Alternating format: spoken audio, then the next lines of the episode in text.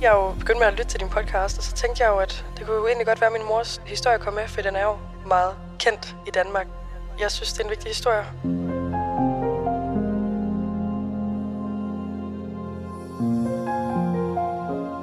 Stemmen her tilhører 20-årige Maja. Hun kontaktede mig sidste år for at høre, om jeg ville se nærmere på en bestemt drabsag. Mere præcist, drabet på hendes egen mor. Hun blev slået ihjel, da Maja boede i pleje hos en jysk familie, og i lang tid troede omverdenen blot, at Majas mor var deprimeret eller måske bare rejst væk. Men sandheden viste sig at være langt værre, og det går vi tæt på i denne udgave af Danske Drabsager.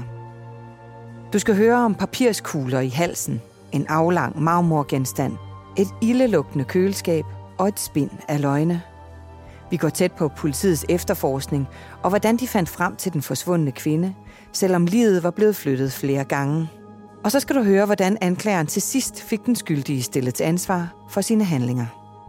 Til at fortælle om sagen i denne episode har jeg talt med tidligere drabschef Søren Ravn Nielsen, anklager Jeanette Vincent Andersen, kriminaltekniker Bent Hytholm Jensen og professor i retsmedicin Hans Peter Hågen. Mit navn er Stine Bolter. Velkommen til podcasten Danske Drabsager, fortalt af de fagfolk, der har været helt tæt på. Adrenalinen pumper i hans krop. Tankerne myldrer. For foran ham ligger hans kæreste. Død. I stedet for at ringe efter hjælp, pakker han hende ind i et stræklagen, en rullemadras og en præsending og bakser den døde op på en sækkevogn. Han skubber den tungt lastede vogn ud i udhuset, hvor bylten med livet med et bump bliver efterladt på betongulvet. Her ligger den døde i flere måneder, før manden får en ny idé. Han presser bylden ned i et mindre køleskab, og uden at sætte strøm til skabet, lukker han låget til og forsejler køleskabet med et blåt nylonrev. Nu er hun stedt til hvile. Men hun er langt fra gravfred. I 2012 kontaktede en ansat ved en jysk kommune, Sydsjælland og Lolland Falsters politi. Kommunen havde gennem længere tid forgæves forsøgt at få fat i en kvinde, hvis barn var i pleje i den jyske kommune. De var bekymrede for kvinden, som de heller ikke havde kunne få fat i via den mand, hun var flyttet sammen med på Lolland. Flere gange havde politiet også været forbi for at forkynde stævninger, men manden havde hver gang sagt, at kvinden enten var ude at rejse eller ude at handle. Da den jyske kommune til sidst meldte kvinden forsvundet hos Sydsjælland og Lolland Falsters politi, blev drabschef Søren Ravn Nielsen orienteret. Vi får henvendelsen fra kommunen, og da vi også synes, at det er rigtig lang tid, hun har været væk, fordi at man har ikke hørt fra hende siden øh, december øh, 2010, så begynder vi at kigge lidt nærmere på, hvad det er for et liv, hun har haft. Øh, et forbrugsmønster. Øh, har hun hævet penge? Har der været øh, kontakt via sociale medier øh, til hendes familie, til, til omgangskreds osv.? Og, så og vi kan ikke rigtig komme videre med det. Udover at vi kan se, at hun øh, modtager øh, sociale pensioner, som er blevet hævet øh, langt senere også end da man har haft kontakt med hende øh, i december 2010. Vi kan så også se, at hun har en fælles øh, konto med sin øh, samlever, og har ikke til synligheden oprettet konti selv, eller haft mulighed for at overføre penge, som man kunne forestille sig, hun ville gøre, hvis hun ville skabe sig et nyt liv. Altså hun har kun haft til, til dagen og vejen. Og de ting begynder vi at stykke sammen, forsøge at få kontakt til hendes familie. Plejeforældrene har heller ikke haft kontakt til hende. Og øh, hele det puslespil, som man så får lagt i forbindelse med det, tyder jo på, at øh, hun på en eller anden måde enten har været udsat for en ulykke, eller at hun har været udsat for en, en kriminel øh, handling. På et tidspunkt, der kan vi se, at øh, hendes pension øh, bliver hævet. Hun har også haft kontakt til en mand øh, i Jylland, som har lånt hende nogle penge, øh, fordi hun havde talt om at ville flytte ned fra den mand, hun boede sammen med på Lolland. Og der er også indsat nogle penge på, på den her fælleskonto, som også er hævet. Og da vi når hen i efteråret, jeg tror vi faktisk øh, er hen omkring jul, da vi så beslutter os for, at mistankegrundlaget det er sådan, at øh, samleveren må have kendskab til, hvad der er sket med hende. Han er afhørt flere gange og har ikke rigtig kunnet bidrage med noget. Men øh, vi vælger så at sigte ham for at have brugt hendes øh, sociale pensioner, der er sat ind på deres fælles konto. Og øh, der kender han faktisk, at det har han øh, gjort, men han kender ikke noget til øh, hendes skæbne ellers. Den anholdte mand fortalte politiet, at parret var gået fra hinanden, og at kvinden var flyttet i slutningen af 2010. Hun havde fået hjælp af to mænd i en rød bil, som han ikke kendte, og hun havde taget en del af sine ting med sig. Drabschef Søren Ravn Nielsen fortæller. Vi har ikke på det tidspunkt materiale til at, at sigte ham for drab, men omstændighederne er jo alligevel så påfaldende, at vi arbejder videre med at finde ud af, hvilken rolle han spiller. Og det betyder så, at vi, jeg tror det er i januar måned, øh, retter henvendelse til anklagemyndigheden for at bede om rensagningskendelser på de adresser, vi ved, at de dels har boet på øh, sammen, og vi ved også, at øh, han har været flyttet og har haft øh, bopæl på, på tre forskellige adresser.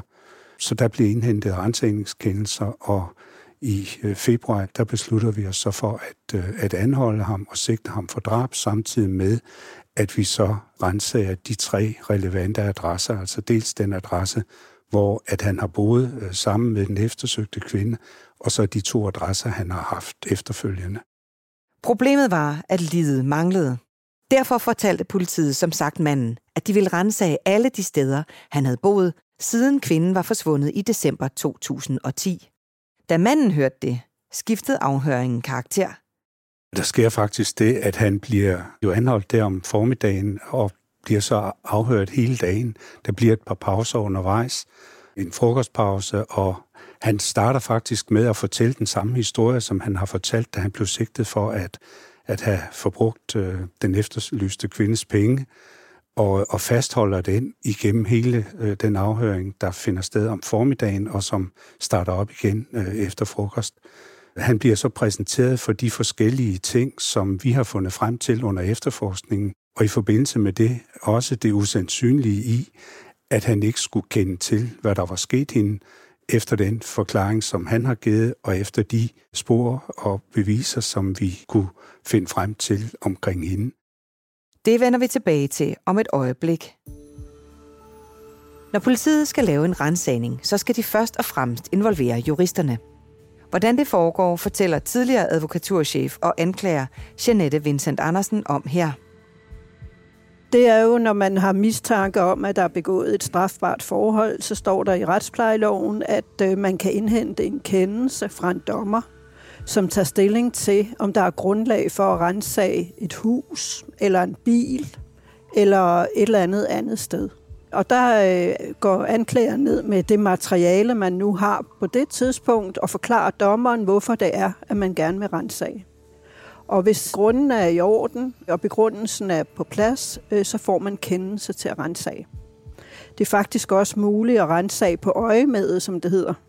Og det vil sige, at politiet, hvis det skal gå hurtigt, og hvis der er mulighed for, at beviserne forsvinder, kan gå ud og rensage uden kendelse. Men så skal anklagemyndigheden inden for 24 timer præsentere materialet for en dommer, som så skal godkende, at man har renset på øjemedet.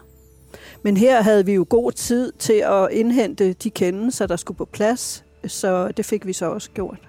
Og så har man jo et vidner med os til den, øh, til den rensning, sådan at det ikke bare er politiet, der går rundt og, og finder ting selv. Man har øh, vidner med, sådan at, at man hele tiden kan, kan få andre til også at dokumentere, hvad det er, der er sket. Det kan være typisk den mistænkte, hvis, øh, hvis han selv har mulighed for at være med. Øh, eller også så kan det i princippet være en nabo eller en, en anden, som man beder om, øh, eller to, som det jo skal være, op, som man beder om at deltage i, i en rensagning som, som vidner. Når en person bliver anholdt og sigtet, bliver også juristerne i politikredsen involveret. Men ofte er de allerede med tidligt i efterforskningen, og det fortæller tidligere anklager Janette Vincent Andersen om her. Jeg kan tydeligt huske, da jeg hørte om sagen første gang, det var en af efterforskerne, der ringede til mig og sagde, at nu havde de mistanker om, at øh, en mand havde slået en kvinde ihjel nede i den sydlige del af politikredsen. Øh, men man, øh, man havde ikke noget lig. Jeg havde netop afsluttet en anden sag uden lig, hvor vi havde fået domfældelse mod to mænd for at have slået en tredje mand ihjel. Så jeg siger til efterforskeren, altså, jeg kan ikke blive ved med at komme i retten med sager uden lig. Så I må få ham til at fortælle, hvor kvinden er blevet af. Og så er det rigtigt, som Søren siger, at vi indhentede de der rensagningskendelser, og han blev så anholdt en morgenstund, og øh, han blev afhørt hele dagen. Og sidst på eftermiddagen, så ringer efterforskeren til mig, så siger han, nu har han fortalt, hvor livet er. Og det befinder sig i et køleskab. Udhuset ligger halvt i skjul mellem træer og buske et stykke fra stuehuset. De åbner døren til rummet, som bliver lyst op af en enkelt bar pære i loftet. Et gammelt træpillefyr står uvirksomt til venstre, og i midten står en trillebør, nogle cykler og et plastikhavebord. Det ser ud, som så mange andre udhuse ser ud. Men noget er galt. Gemt væk bag diverse ting ligger et køleskab oven på en traphalle. En politimand nærmer sig, iklædt overtrækstrakt, mundbind og handsker, uden præcis at vide, hvad der venter ham. Da køleskabets dør bliver løftet af, og præsendingen åbnes, spreder lugten af død sig. Som sagt ændrede den drabsigtede mand sin forklaring, da han hørte, at politiet ville rense alle de steder, han havde boet siden kvinden forsvandt i december 2010. Hvad han sagde til efterforskerne kommer også senere frem i retten. Søren Ravn Nielsen og Jeanette Vincent Andersen fortæller. Han fortæller, at han jo er ude at handle. Øh, jeg tror, det er den 10. december 2010 om formiddagen, hvor hun blev tilbudt at tage med. Det ville hun ikke, fordi hun var dårlig. Og han tager sig ud og er væk fra, fra bogpælen et par timer, og da han kommer tilbage, så ligger hun stadig i, i sengen og er ukontaktbar. Og han prøver så at tage hendes puls, og det øh, giver ikke rigtig noget resultat, og han finder så ud af i løbet af et stykke tid, at hun må være død.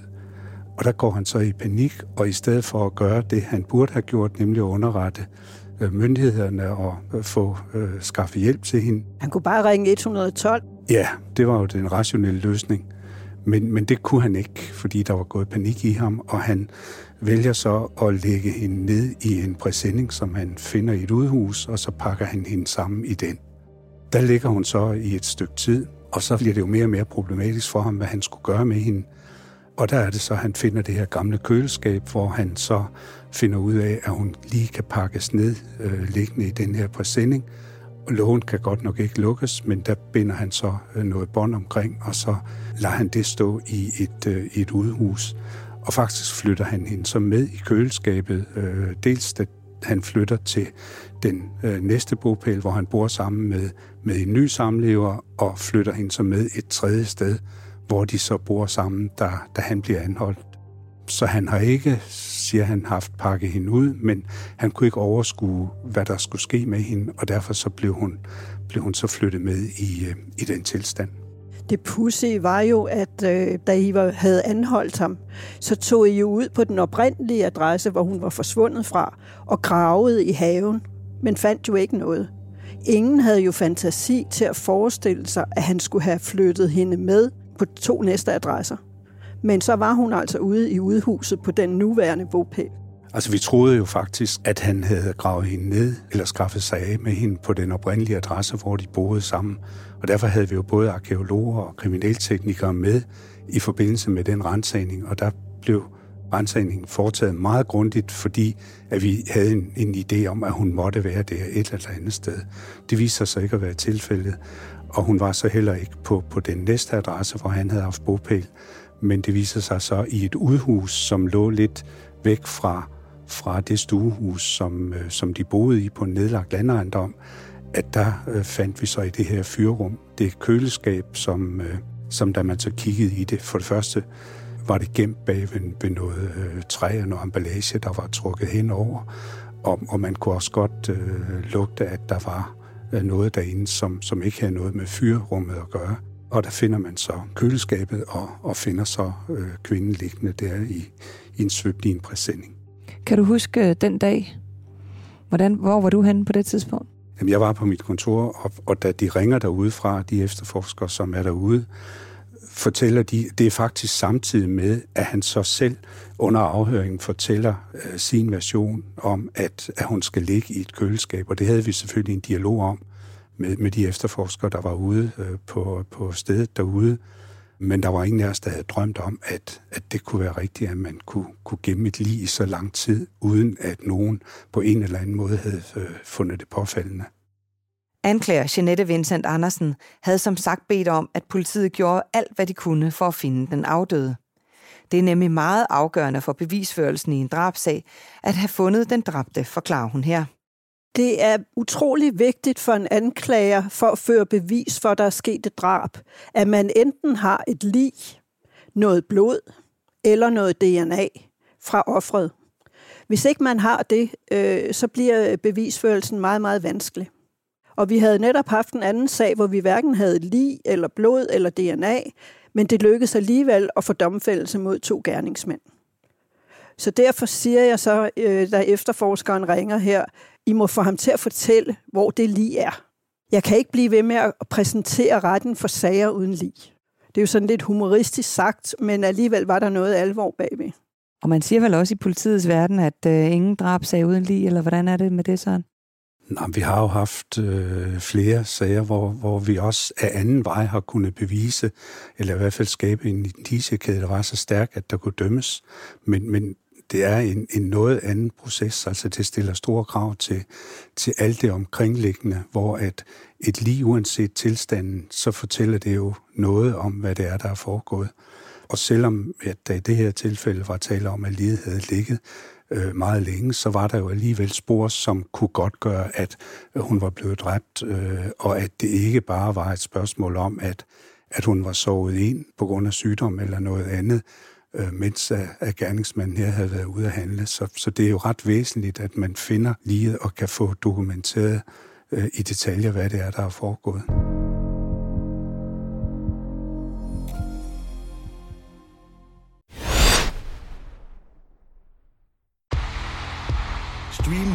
Kun på Disney+. Plus. Oplev Taylor Swift The Eras Tour, Taylor's version. Med fire nye akustiske numre.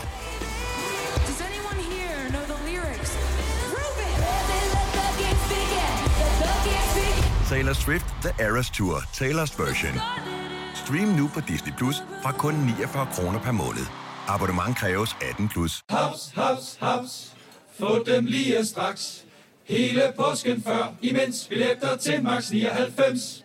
Haps, haps, haps. Nu skal vi have... Orange billetter til max 99. Rejs med DSB Orange i påsken fra 23. marts til 1. april. Rejs billigt, rejs orange. DSB, rejs med. Haps, haps, haps. Der er kommet et nyt medlem af Salsa Cheese Klubben på MACD.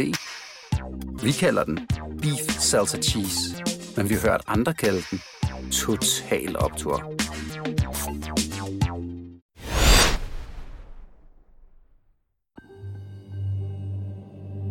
Da politiet havde konstateret, at det var et lig, der lå i køleskabet, blev det besluttet at få hele køleskabet med indhold fragtet ind på Retsmedicinsk Institut i København. Når man finder et lig på et gerningssted, uanset omstændighederne, så har man altid kriminalteknikere med, og man har retsmediciner med. Og i den her situation øh, var det samme øh, tilfælde. Og på grund af, at vi måtte forvente, at livets tilstand var, var meget dårlig, i og med, at det havde ligget så længe, så vælger man ikke at tage, forsøge at, at bjerge livet fra køleskabet, men køre hele køleskabet med indholdet ind til Retsmedicinsk Institut, og så i forbindelse med obduktionen og øh, ligsynet, der bliver holdt i forbindelse med, så pakker man så øh, livet ud, og så får man jo maksimal udnyttelse af de spor, der måtte være, hvor man, hvis man gør det ude på stedet, måske kunne ødelægge noget, som ikke kunne genskabes bagefter. Kriminalteknikerne blev tilkaldt for at undersøge hele området omkring køleskabet. Bent Hytholm Jensen blev ikke selv sendt til Lolland i denne sag, men han kender til sagen og de processer, der bliver sat i værk ved enhver drabsag. Den fornemmeste opgave for kriminalteknikerne, det er at dokumentere de faktiske forhold, når man kommer ud på gerningsstedet. Øh, og det gør man selvfølgelig, inden at man øh, går ind på stedet, så øh, fotograferer man området og hele lokaliteterne for at fastholde situationen, sådan at hvis man efterfølgende flytter på effekter osv., så kan man efterfølgende se på billedet, hvor tingene stod, da, da vi ankom. Og så skal man jo lede efter spor, efter nu det er den afdøde, man, man leder efter. Og ude på, på stedet, så ser man, at der er nogle ting, der er mistænkelige, øh, og man fotograferer det hele, og så sikrer man alle de spor, der overhovedet er mulige, fordi man ved ikke, hvordan sagen udvikler sig, og derfor er det utrolig vigtigt at fotodokumentere det rigtigt, altså hver enkelt effekt faktisk øh, står man og tager billeder af, så øh, man har et utal af billeder, man kan vælge mellem efterfølgende i første omgang aner man ikke, hvad det er, man leder efter i virkeligheden, øh, og derfor så er det vigtigt at fotografere det så, og dokumentere tingene så nøjagtigt som overhovedet muligt, så man kan vende tilbage. Man plomberer typisk stederne, så at man har mulighed for afhængig af, hvordan sagen udvikler sig efterfølgende, så kan man gå tilbage igen. Der bor jo ikke nogen på, på, på de her adresser her, eller i hvert fald ikke i de her udskuer og karbord, der er aktuelle i den her sag her. Den 7. februar 2013 blev køleskabet åbnet på Retsmedicinsk Institut i København. Professor i retsmedicin Hans Peter Hågen fortæller, hvordan den opgave blev grebet an. Køleskabet kom, øh, kom ind, og det blev placeret på gulvet på øh, en obduktionsstue, på drabstuen, der hvor der er plads, og der kun er et bord, og man kan lukke døren og hvor vi normalt får overtaget drabsobduktionerne. Det blev fotograferet, altså kriminalteknisk var til stede, og en kriminaltekniker optog billeder. Og efter at det var fotograferet, så blev hele pakken med afdøde forsigtigt løftet op af køleskabet. Det blev pakket ud af præsendingen. Så blev lige lagt over på en borger og kørt ned til i kælderen, hvor øh, scanneren står. Og der blev lige scannet, og på scanningen kunne man så se, at det var en cylinderformet genstand. Denne blev så fundet under den videre udpakning, for efter at scanningen var overstået, så blev lige kørt op på obduktionsstuen igen. Resten pakket ud, det vil sige, at rullemadrassen og lagene blev åbnet og fjernet, så vi nu havde den afdøde øh, liggende på stålbordet. Og der kunne man så se denne cylinderformede øh, genstand som så ud, som om der havde været den lodret stående del af en køkkenrulleholder. Og den lå på hendes bryst, altså mellem bryst og, og, og knæene, som jo var bukket op mod brystet. Da hun blev pakket ud af præsendingen, kunne vi se, at hun havde en bærepose for Aldi over hovedet, og den var bundet rundt halsen med en snor, der var lagt dobbelt og bundet en ganske almindelig kællingknude foran på halsen. Denne blev taget af sammen med rullemadrassen og lagene, og hun blev undersøgt udvendigt. Vi kunne ikke se nogen lesioner ved den udvendige undersøgelse. Altså, det var ikke nogen stiksår, skudsår eller lignende, hvad vi kunne se. Men nu skal det jo også tages i betragtning, at hun var stærkt medtaget af forrådnelse, hvilket du ikke var så underlig. Hun havde jo ligget to år pakket ind i, i præsendingen og presset ind i et, et lille køleskab. Da vi kiggede ind i mundhulen, så fandt vi noget. Der lå det bagest i mundhulen et stykke sammenkrøllet papir. Det tog vi forsigtigt ud med en pincet og lagde til side, og så fortsatte vi obduktionen.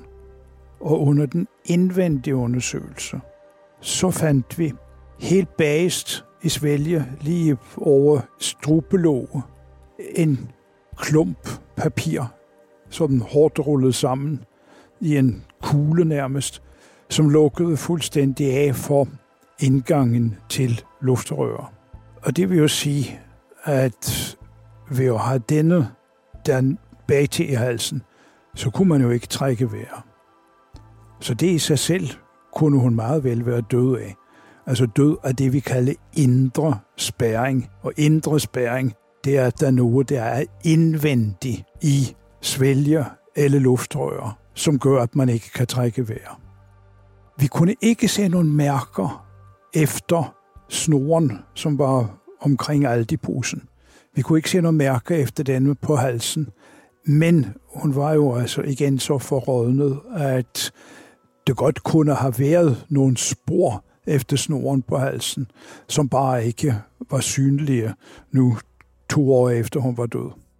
Og vi kunne naturligvis heller ikke se noget med punktformede blødninger i øjnene, hvilket hun kunne have fået, hvis snoren om halsen var strammet rigtig godt til, mens hun var i live. Så det vi kunne se, det var altså disse her to papirkugler, hvor den ene har lukket for lufttilførselen, så hun ikke har kunnet trække vejret. Der blev taget prøve fra til mikroskopisk undersøgelse, hvilket jo ikke gør nogen verdens ting, for det væv var så medtaget. Men så blev der også taget nogle muskelvæv til retskemisk undersøgelse. Og den viste jo, at der var øh, høj koncentration af dolol, som er et morfinlignende præparat, og som virker stærkt dæmpende, søvndøsende. Og det var øh, ikke noget medicin, hun fik. Det var, havde fandt politi ud af. Det var med medicin, som var udskrevet til hendes samlever. Og vi kunne konkludere ud fra dette, at hun havde været stærkt medicin påvirket. Og dololen virker også dæmpende på den måde, at blandt andet hustereflekserne blive stærkt nedsat. Hvis man er vågen og får noget proppet ned i halsen, så forsøger man alt man kan og huste og huste for at få det op. Jeg mener, det har man jo oplevet, hvis man får nu en gale hals, så huster man jo voldsomt. Og det er for en refleks, som kommer for at komme af med det, der er kommet ned i, i luftrøret. Og det har hun jo så ikke haft ret meget af, eller i hvert fald stærkt nedsat, når hun har været så påvirket af dolol, som hun var. Så hun kan have været død af dololforgiftning. Hun kan også være død af denne øh, papirkugle, som sad fast i bag til svælge og lukket for lufttilførselen. Hun kan simpelthen også være død af den pose, hun havde fået over hovedet, plastikposen, som var sat fast med snor rundt om halsen. Den går jo også, at man ikke kan få frisk luft ind. Det vil sige, så får man ikke ilt ned i lungerne. Så der var flere ting, hun kunne være død af. Hvor de hver især var dødelige, og de kunne være dødelige, når de virkede sammen.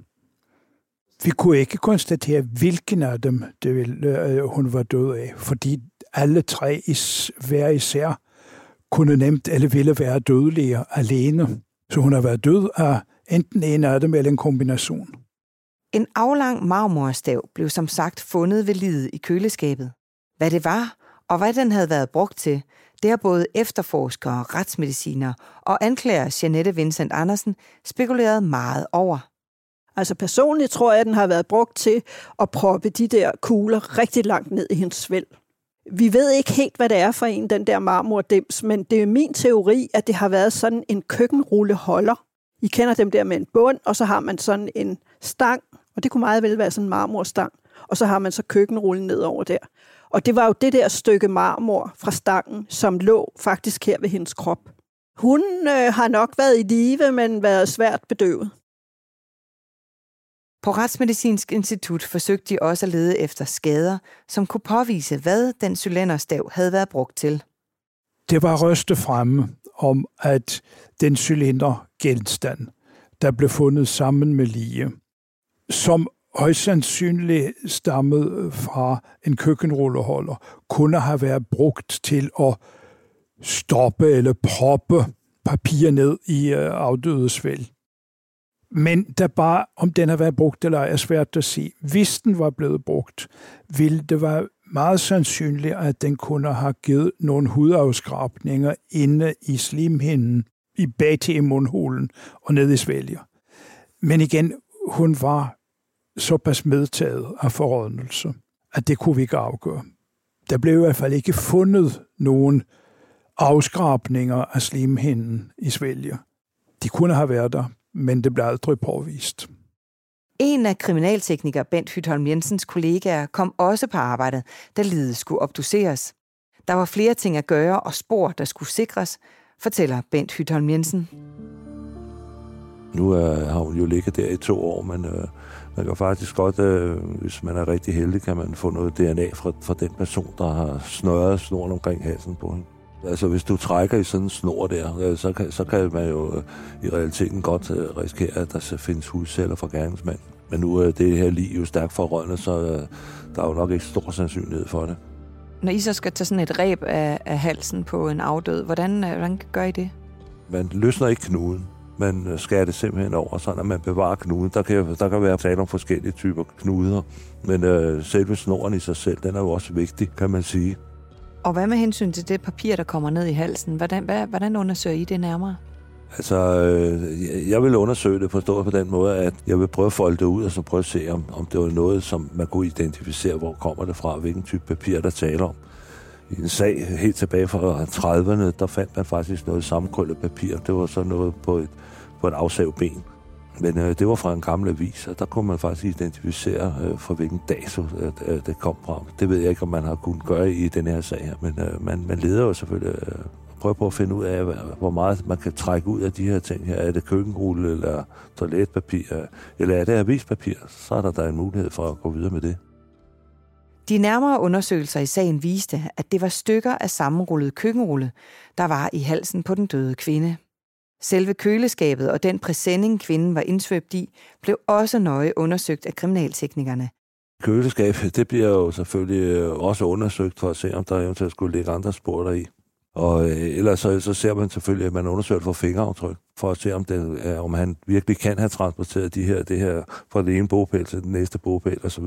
For at se, om der er andre personer, der har rørt ved køleskabet, for eksempel. Jeg kan forestille mig, at, øh, at han jo næppe har haft handsker på, dengang at han pakker hende ind. Og derfor vil man selvfølgelig øh, brede den her præsending ud, og så forsøge at undersøge den for fingeraftryk. Igen for øh, eventuelt at udelukke, at andre personer kan have været med til at pakke øh, den afdøde ind i, i præsendingen. Så man vil selvfølgelig lede efter fingeraftryk. Vi sikrer altid det hele, alt hvad man overhovedet kan, for øh, at gøre sagen så holdbar som overhovedet muligt. Drabschef Søren Ravn Nielsen og hans medarbejdere var meget interesserede i resultaterne af retsmedicinernes undersøgelser af livet.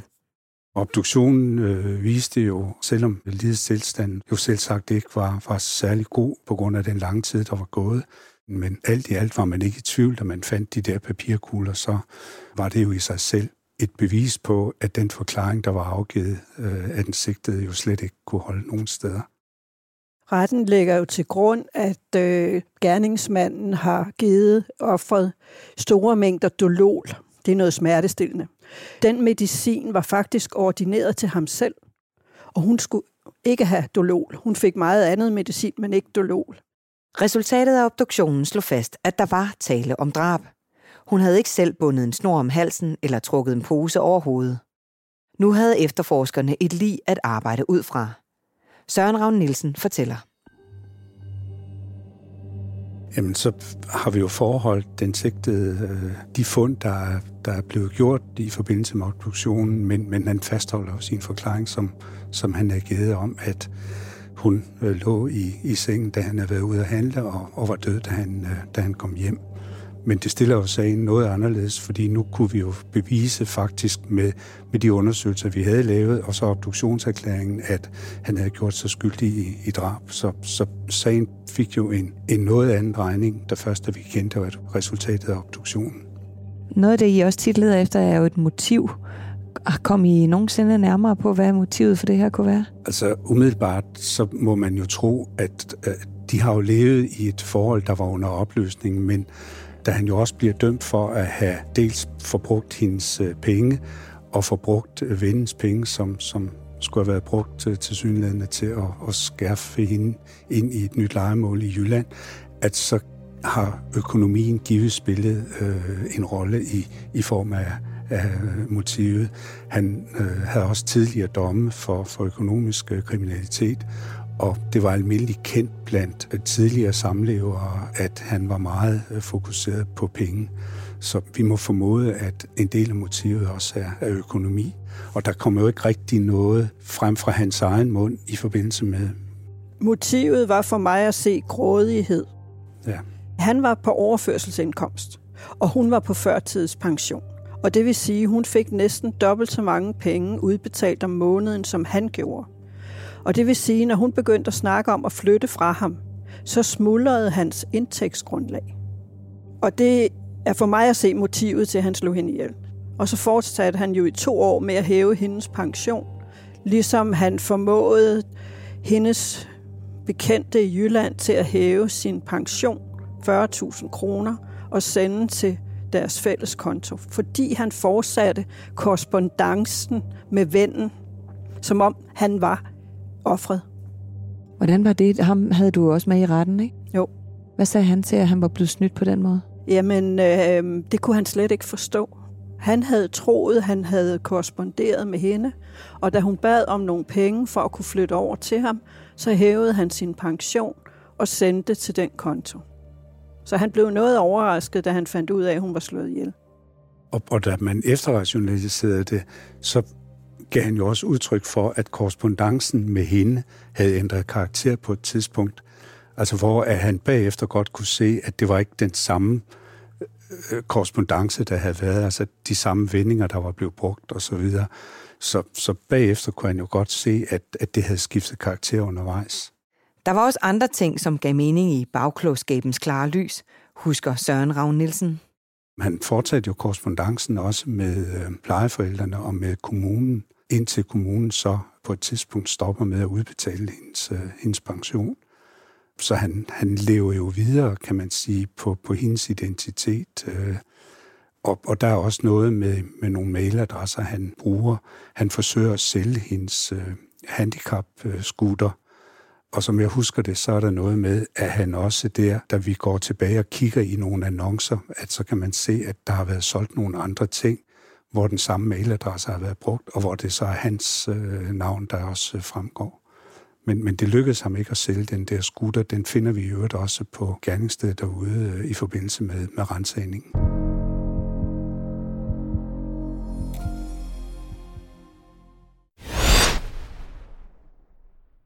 Haps, haps, haps.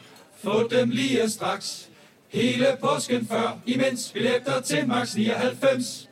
Haps, haps, haps. Nu skal vi have... Orange billetter til max 99. Rejs med DSB Orange i påsken fra 23. marts til 1. april. Rejs billigt, rejs orange. DSB, rejs med. Haps, haps, haps. Vi har opfyldt et ønske hos danskerne. Nemlig at se den ikoniske tom skildpadde ret sammen med vores McFlurry. Det er da den bedste nyhed siden nogensinde. Prøv den lækre McFlurry tom skildpadde hos McDonald's.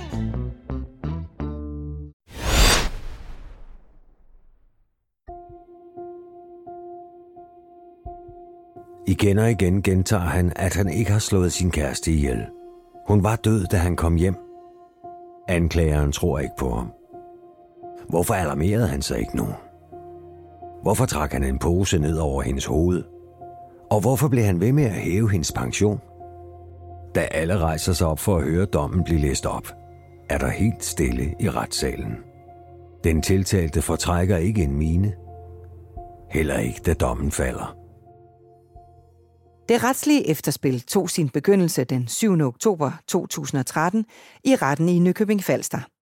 Her stod anklager Janette Vincent Andersen klar. Jeg synes jo, at det var en fagligt spændende sag. Fordi det er jo sjældent, man har en sag med et lig, som har været i et køleskab i to år. Det er faktisk nok ikke sket før. Så på den måde var den fagligt spændende. Men jeg synes jo også, at vi havde rigtig gode beviser i sagen. Efter man havde fundet liget og konstateret, at hun jo dels havde noget, en masse dolol i sin krop. Hun havde de to papirkugler nede i halsen. Hun havde alle de posen over hovedet og en snor om halsen og i øvrigt pakket ind i en topmadras og en præsending. Det kan man jo ret hurtigt konstatere, det er ikke noget, man selv kan gøre. Og så med øh, hans bureau i baghovedet, så synes jeg også, at der tegnede sig et billede af hans motiv. Så på den måde øh, var sagen jo øh, stærk, set fra anklagemyndighedens side. Men jeg havde nogle overvejelser om, hvordan jeg skulle præsentere materialet for retten. Fordi på det her tidspunkt var vi begyndt at køre sager elektronisk. Og det vil sige, at i stedet for at have store ringbind med masser af bilag, så blæste vi jo nu dokumenterne op på stor skærm. Og jeg tænkte, det kunne blive lidt voldsomt at blæse de billeder op, obduktionsbillederne op på storskærm. Så jeg kontaktede faktisk retsformanden noget tid før og sagde til ham, hvordan skal jeg præsentere det her? For jeg har ikke lyst til at blæse det op på storskærm. Og det var han fuldstændig enig i. Og det endte med, at vi lavede sådan en lille mini-ekstrakt med alle obduktionsbilleder i, som vi så delte ud til nævninger, så de selv kunne sidde i fred og ro og kigge på billederne. Men tilhørende fik ikke lov at se livet og de andre ting, vi havde. Der blev indkaldt mange forskellige vidner. Et af dem var en kvinde, som den tiltalte kendte. Så havde vi øh, en tidligere samlever, som han havde boet sammen med, som havde haft øh, nogle meget ubehagelige oplevelser med ham. De levede et dårligt forhold sammen, og på et tidspunkt havde hun taget en masse piller i selvmordshensigt og lagt sig på sofaen. Og han kom så hjem fra øh, indkøb eller noget andet, og så hende ligge på sofaen, og han sagde, du kan bare blive liggende. Og så efter et stykke tid, han var gået ind i et andet rum, så kom hendes veninde på besøg og fandt hende der på sofaen. Og på det tidspunkt kom han så ind ad døren og sagde, jeg er ved at ringe 112. Vi ved jo ikke, hvad der var sket, hvis ikke veninden var kommet, men det gav bare et indtryk af, hvad var han egentlig for en person. Og det var jo også med til at underbygge retten i, at hvis han kunne gøre det der, så kunne han også slå øh, vores ofre ihjel. Den tiltalte mand havde flere forklaringer på de belastende beviser, som kom frem i retten. Blandt andet omkring de mange penge, han havde hævet. Han sagde, at øh, det er rigtigt nok, at han blev ved med at hæve hendes pension. Og det var også rigtigt nok, at han havde korresponderet med øh, den bekendte fra Jylland og fået ham til at udbetale øh, 40.000 kroner. Og dem havde han jo brugt i sit almindelige forbrug.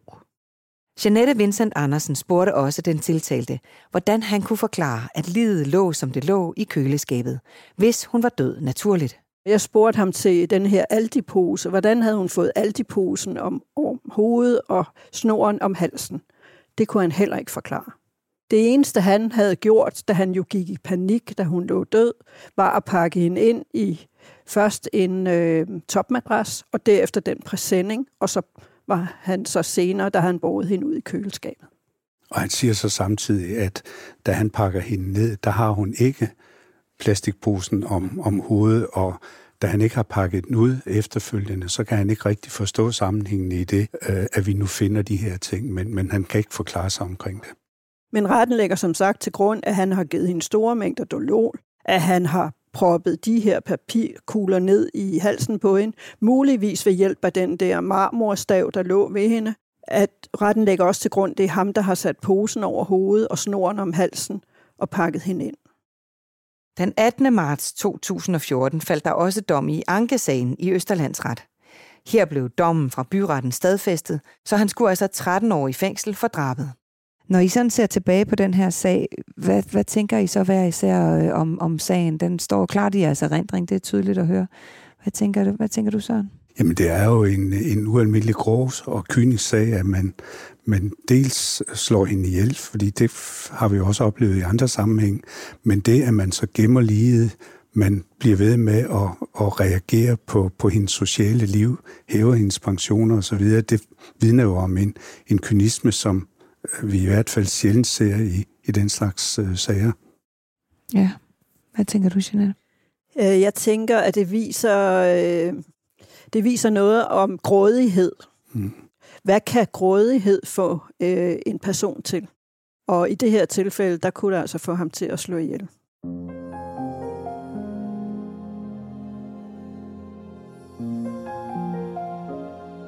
Den modbydelige drabsag fik en afslutning, og de efterladte fik vidsthed om kvindens skæbne.